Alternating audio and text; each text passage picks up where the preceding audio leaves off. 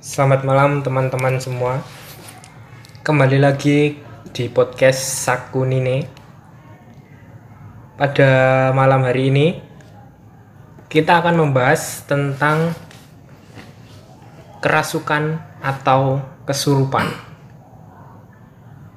Jadi sebelum masuk ke topik, silahkan teman-teman yang belum subscribe, silahkan klik tombol subscribe agar kami lebih semangat membuat konten podcast di cerita-cerita yang lainnya.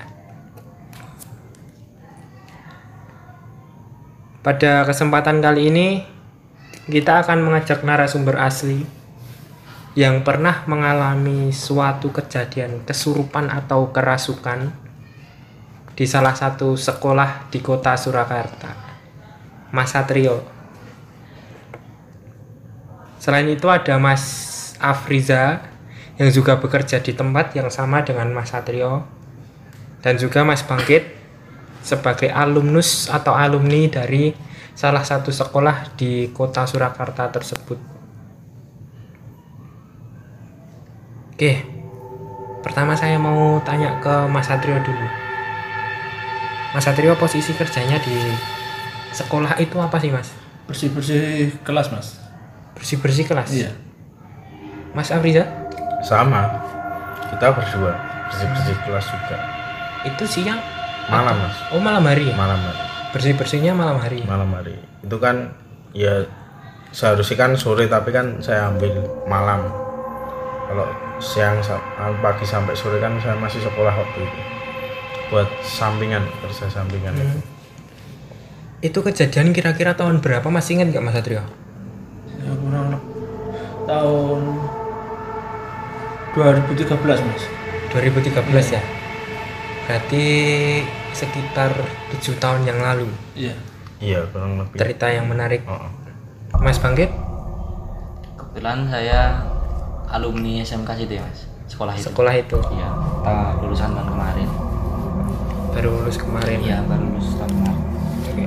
Kita masuk ke topik Mas Satrio dulu. Jadi pertama kali bekerja di situ, Mas. Sebenarnya punya nggak sih Mas perasaan aneh atau gimana gitu di sekolah itu? ya nggak ada mas. Kalau perasaan aneh dan itu nggak ada. Biasanya awalnya masuk ya biasa-biasa saja Berarti nggak ada sama sekali ya Mas perasaan aneh. nggak ada mas. Niatnya emang ya bekerja. niatnya bekerja. Kalau Mas Prisa sendiri, sama juga. Dari awal masuk nggak punya pikiran gimana gimana aneh-aneh nggak ada ya cuman kerja kerja gitu aja emang kerja satu shift terus Mas. satu shift terus berdua kita Sama sekali Mas nggak ada perasaan apa pun gitu. enggak enggak waktu itu enggak ada Tapi kan biasanya kalau sekolah kayak gitu kan gelap Mas. ya memang Malam-malam. gelap Heeh. kalau malam itu kan gelap kadang kan lampunya nggak nyala semua itu waktu itu Oh, ada yang nyala ada yang enggak waktu itu kayak gitu. soalnya kan itu waktu itu barengi ada pembangunan mas waktu itu. Di sekolah, sekolah itu. itu Tapi nggak takut Mas kayak gitu. enggak Gelap. waktu itu kan masih ada gimana ya orang-orang pembangun ya mas ya? Iya. Yang masih ngerjain sampai malam gitu. Jadi kayak ada temennya masih ada temennya gitu. Awal-awalnya gitu Sampai malam masih ada. sampai malam masih ada yang lembur-lembur itu Berarti emang nggak ada pikiran apa-apa ya Mas ya? nggak ada waktu itu Kalau Mas Bangkit, Kebetulan saya sendiri juga nggak ada. Soalnya ya sekolah masuk pagi, pulang sore. Situasi juga masih rame pasti. sama sekali nggak punya perasaan aneh-aneh Mas. Nggak ada. Mas. Hmm. Tapi Mas Bangkit sebagai siswa Mas pernah dengar nggak sih kayak gini cerita-cerita mistis kayak gini atau atau merasakan sendiri ya? Ya kalau kata orang ya, kata orang itu ya itu di pohon beringinnya itu mas. Kan di SMK itu ada pohon beringin di dekat masjid itu mas. Hmm. katanya ada penunggunya sih tapi saya belum tahu sendiri ada apa enggaknya itu cuman Cerita, cuman dari ya, orang. cerita Oh, dari orang ya. Orang yang cerita terus jenengan dengar. iya Itu dari kelas berapa Mas? Tahu kayak gitu? itu kelas 2 mas. Ya sekitaran kelas 2 kelas 2 SMK kelas 2 baru denger kayak Iya, gitu. baru denger. terus setelah denger kayak gitu mas ada rasa takut nggak kalau lewat di situ atau biasa aja? Ya biasa aja mas. Kebetulan di dekat bengkel tuh mas. Kan kalau beng kalau jurusan sipil itu kalau gimana ya kalau praktek itu depan pohon beringinnya itu mas Hmm. ya jadinya rame jadi nggak ada perasaan apa apa Beras nggak ada rasa Iya. takut atau apa. Kalau- merinding atau apa gitu nggak ada mas nggak ada kalau malam nggak tahu lagi situasinya Oke. Terus saya kembali ke Mas Satrio dulu.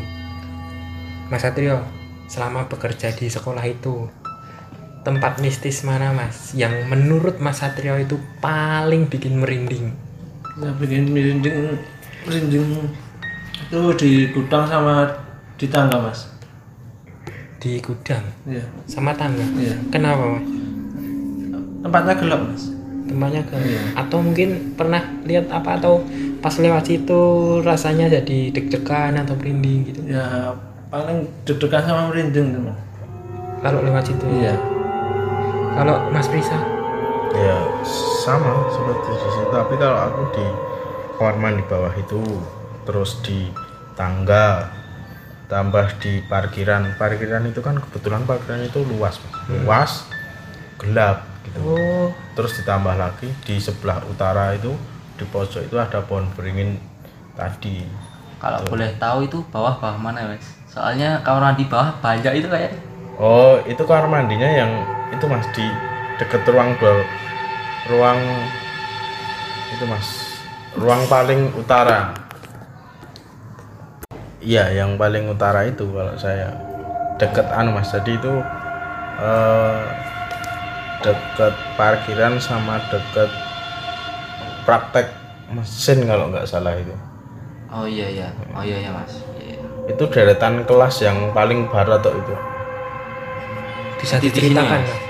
Suasananya itu kayak gimana Pak? kalau malam kan ya gimana ya cenderung sunyi ya kan. Udah sepi nggak ada yang aktivitas yang di situ ya. Jadinya kalau kadang kalau jalan menuju ke situ gitu ya agak merinding gimana gitu. Kayak ada yang ya ya namanya setiap tempat itu kan memang ada kayak gitu ya.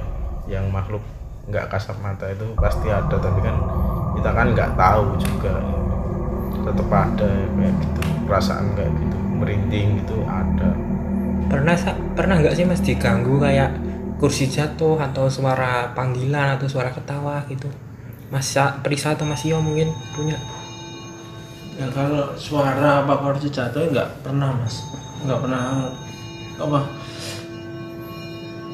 kedengeran mas. Kalau yang lain kurang tahu. Mungkin Mas Prisa kalau punya? suara atau kursi jatuh nek kalau kursi jatuh dulu pernah mas aku. Waktu itu aku masih sendiri. Belum sama Satrio itu pernah kursi jatuh. Kursi jatuh. Glek gitu pernah juga. Tapi cuman sekali itu kalau di kelasnya Terus rasanya gimana Mas? Rasanya Mas Prisa? ya Pengen berhenti kerja? Oh waktu itu seketika juga pengen apa ya pengen berhenti tapi kalau aku berhenti nggak selesai nanti juga dimarahin ya udah aku tak berani beraniin mas malam itu juga waktu masih sendiri itu Tapi sebenarnya takut ya Mas. ya takut takut perasaan takut pasti ada loh mau posisi sendiri juga sepi Tahu-tahu tahu-tahu ada posisi jeglek gitu kan kaget.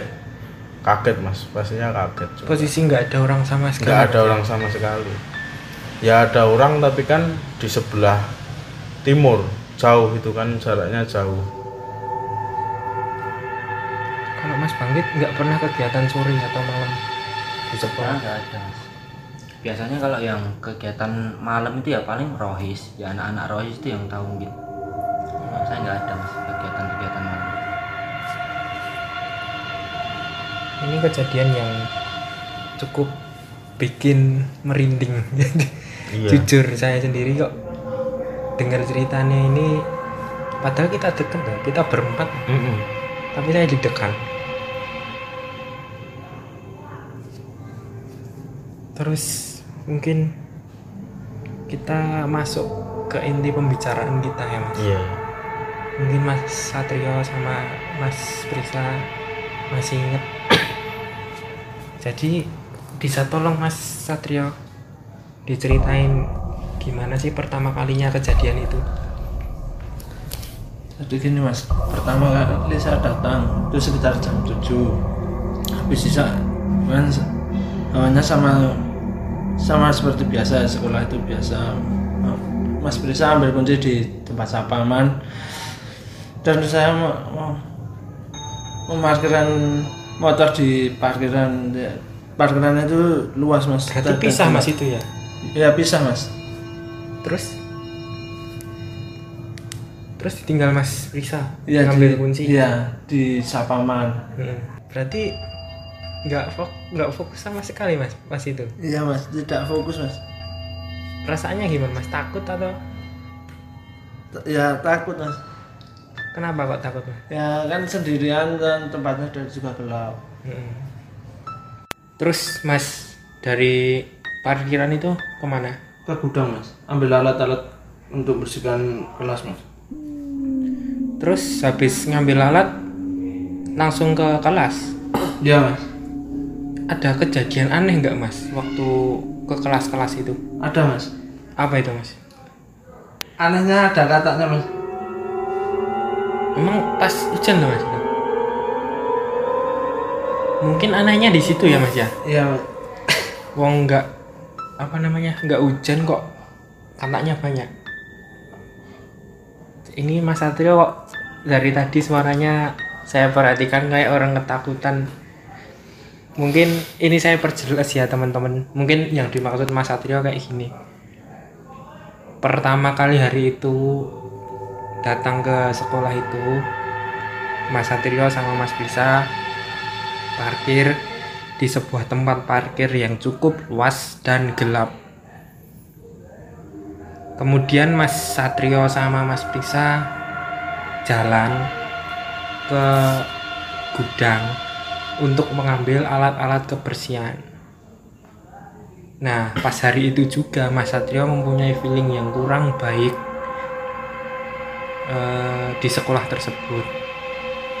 Setelah Mas Satrio sama Mas Prisa ini mengambil alat, mereka itu langsung ke kelas-kelas. Nah, apa sih yang aneh? Yang aneh di sini, kenapa kok ada kata atau banyak kata ya Mas ya?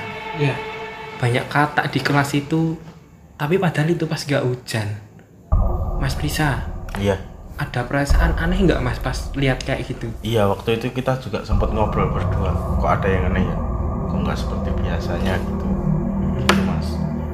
Terus nggak hujan juga kok ada banyak kata yang berjajaran di setiap kelas. Kita kan juga aneh gitu.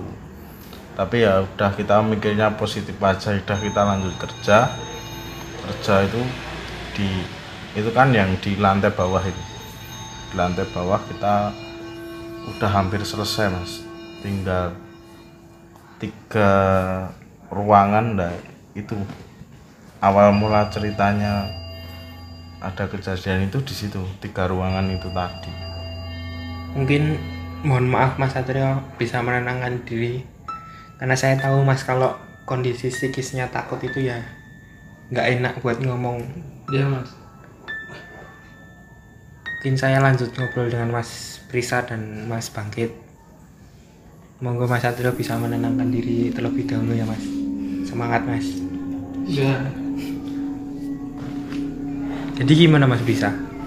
ya jadi di lantai bawah itu kan itu dimulainya kejadian itu di situ di tiga ruang itu jadi waktu itu Satrio itu seingat saya itu Satrio habis apa ya bersihin ruangan dia keluar dia itu dilompati kodok itu.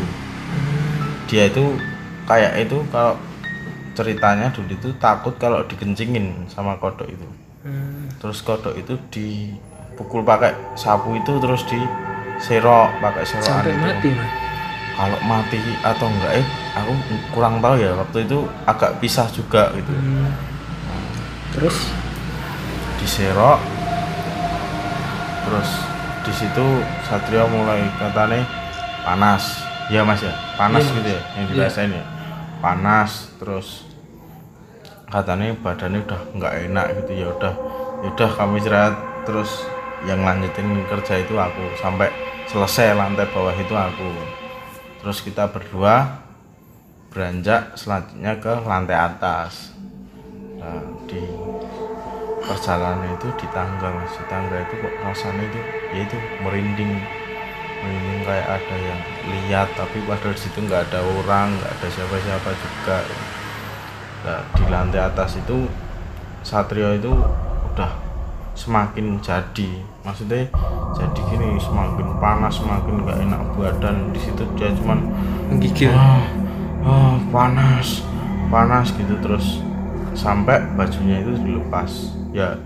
Ya Halo. iya baju dilepas ya udah terus tak suruh istirahat. Yang ngerjain aku sampai selesai tuh habis selesai tiga di lantai atas itu ya cu- cuman tiga ruangan. Kurang tiga ruangan juga. Itu sampai selesai saya turun lagi. Turun lagi Satrio itu masih kepanasan gitu agak kayak kepanasan gitu pokoknya badannya nggak enak intinya gitu. Terus ya udah mau pulang tak ajak cuci kaki cuci tangan dia udah nggak mau. Saya ingat saya itu udah nggak mau. Terus pas ngajak cuci tangan cuci kaki itu mas mas Prisa punya perasaan aneh nggak sih sama mas Satrio? Iya itu udah mulai timbul perasaan aneh. Kok padahal biasanya kalau selesai itu dia paling duluan bersihin tangan kaki sampai yang lain-lain itu dia duluan. Itu kok sampai nggak mau. Perasaanku semakin wah ada apa ya? Ada apa ya? Tapi ya aku berusaha untuk tenang. Waktu itu kan cuman tinggal kita berdua dok posisi Satrio kayak gitu kan kalau aku nggak tenang malah nanti Ikutan. eh, takutnya malah aku ikut ke situ juga. Terus pas itu mas itu terus pulang atau gimana? Iya terus waktu itu kita putuskan untuk pulang. Selesai kita pulang aku pulangin alat-alat bersih itu aku cuci tangan cuci kaki karena dia nggak mau dia nunggu deket parkiran. Udah kita pulang ya itu sampai rumah. Sampai rumah dia gimana ya? Kalau anu kayak gereng-gereng gitu loh mas gereng-gereng wah wah wah. Dan dia itu udah nggak sadarkan diri itu kayak ada yang menguasai badannya gitu. Terus dipanggilin apa seorang apa ya ya tahu lah kayak orang pintar gitu. Kebetulan itu juga tetangga. Terus dipanggilin beliau sama beliau di dinetralisir badannya semua udah bisa lepas itu. Terus ditanyain tadi habis ngapain aja? Ya udah kita cerita. Apa deh oh, apa adanya yang keja- sesuai kejadian itu. Itu. Nah, sebenarnya saya pengen tanya ke narasumber utama, Mas. Kesurupan itu sebenarnya kayak gimana? Nah, seperti yang dibilang Mas Priksa tadi, Mas Satrio itu kan sering kalau istilah Jawanya itu geru-geru. Mm-mm. Geru-geru itu kayak apa ya? Ya nyuara-nyuara kayak tadi. Mm-mm. Nah, Mas Satrio udah cukup tenang. ya sudah mas Saya pengen tahu Mas rasanya waktu di sekolah Mas, waktu jenengan eh, dibilang Mas Prisa badannya panas, yang dirasakan itu apa Mas?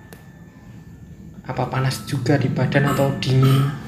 itu panas dingin lah mas badan terasa panas dingin Panas dingin. ya gitu. Waktu di rumah Mas, kan itu apa ya Mas ya? Kata Mas Prisa tadi kan pas di rumah itu sama geru-geru juga Mas, sampai dipanggilin orang pintar. Itu apa yang dirasakan? Apa udah nggak sadar? udah udah nggak sadar Nggak sadar tapi geru-geru. Iya. Saya nggak bisa bayangin ya teman-teman rasanya gimana. Mungkin kayak orang tidur Mas. ya kayak orang tidur kayak orang tidur tapi sebenarnya masih bangun mungkin itu yang dinamakan kesurupan ya jadi yang gerakan raga itu bukan aslinya bukan Mas Satrio sendiri siapa yang geru-geru tadi dan waktu di rumah itu waktu guru-guru itu dia itu juga guling-guling gitu mas. Nggak cuman diem. Jadi kayak gimana ya badannya itu udah nggak bisa diem. Oh, nggak Minta bisa gerak. diem. Atau Itu- mungkin ada posisi tersendiri mas saya menggambarkan kalau bisa tahu itu tadi kat- dari kata itu. Hmm, posisinya juga kayak setengah tengkurap gitu. Hmm, terus kakinya juga nekuk gitu terus ya itu sama gereng-gereng itu. Terus dipegangin aja. Yang megangin cuman di apa dilempar juga nggak kuat gitu. Terus ya udah dipanggilin orang pintar tetangga itu. Sampai kayak gitu ya mas ya? Iya. Terus dari yang mengobati itu mas disuruh apa? Atau diapain mas Satrionya ya kalau yang katanya yang ngobatin itu ya ya itu tadi. Suruh minta maaf lah intinya gitu. Terus sama yang ngobatin dimintain maaf ke sana juga. Intinya sana udah nggak apa-apa. Ya katanya cuman ya kalau bisa itu kalau ngapa-ngapain ya pesennya cuman suruh berdoa gitu berarti intinya ya gara-gara ada sangkut pautnya sama kata tadi ya mas ya Iya, mungkin itu. itu mungkin untuk terakhir mas penutup karena mas iyo saya rasa nggak bisa eh, berbicara banyak mungkin bisa dari mas Afri saja Iya. pesannya apa sih mas Ya, pesannya kalau dari saya gini aja. Kan kita kan hidup itu kan berdampingan sama sosok makhluk-makhluk yang tak kasat mata itu di mana pun tempat itu pasti ada. Ya kalau bisa setiap kita mau memulai kegiatan atau apa itu kita tetap berdoa minta sama yang di atas supaya diberi perlindungan tidak terjadi apa-apa awali dengan doa ya mas Oh, ya harus diawali dengan doa terus jaga sikap jaga sopan santun. Mungkin kita nggak tahu tapi kan dia tahu kita. Mungkin itu teman-teman. Jadi di mana pun berada itu harus jaga diri jaga kesopanan. Iya. Jangan asal apa ya kayak sekarang kan banyak tuh kejadian pacaran di pohon beringin terus pipi sembarangan. Iya. Itu nggak boleh ya kayak gitu. Iya nggak boleh itu kan di lain kayak gitu kan agama juga nggak nggak juga boleh melarang kan gitu. pipi sembarangan itu kan jorok. Iya. Kalau dari Mas Bangkit sendiri mungkin ada pesan tersendiri kalau saya sendiri sih pesannya itu tadi. Kata Mas Risa tadi kita ini hidup tidak sendiri berdampingan. Kita tidak bisa melihat mereka tapi mereka bisa melihat kita dan seperti mengawasi kita di mana pun kita berada. Udah sekian itu mas kira-kira mas. Ya mungkin untuk terakhir kalinya atau sesi yang terakhir ini eh, saya mau menyampaikan hati-hati di mana pun berada. Tetap jaga diri jaga kesopanan dan jangan lupa diawali dengan berdoa dan diakhiri dengan alhamdulillah mungkin sekian teman-teman. Eh, kami pamit undur diri. Jangan lupa saksikan episode-episode selanjutnya di podcast Sakunine. Terima kasih. Selamat malam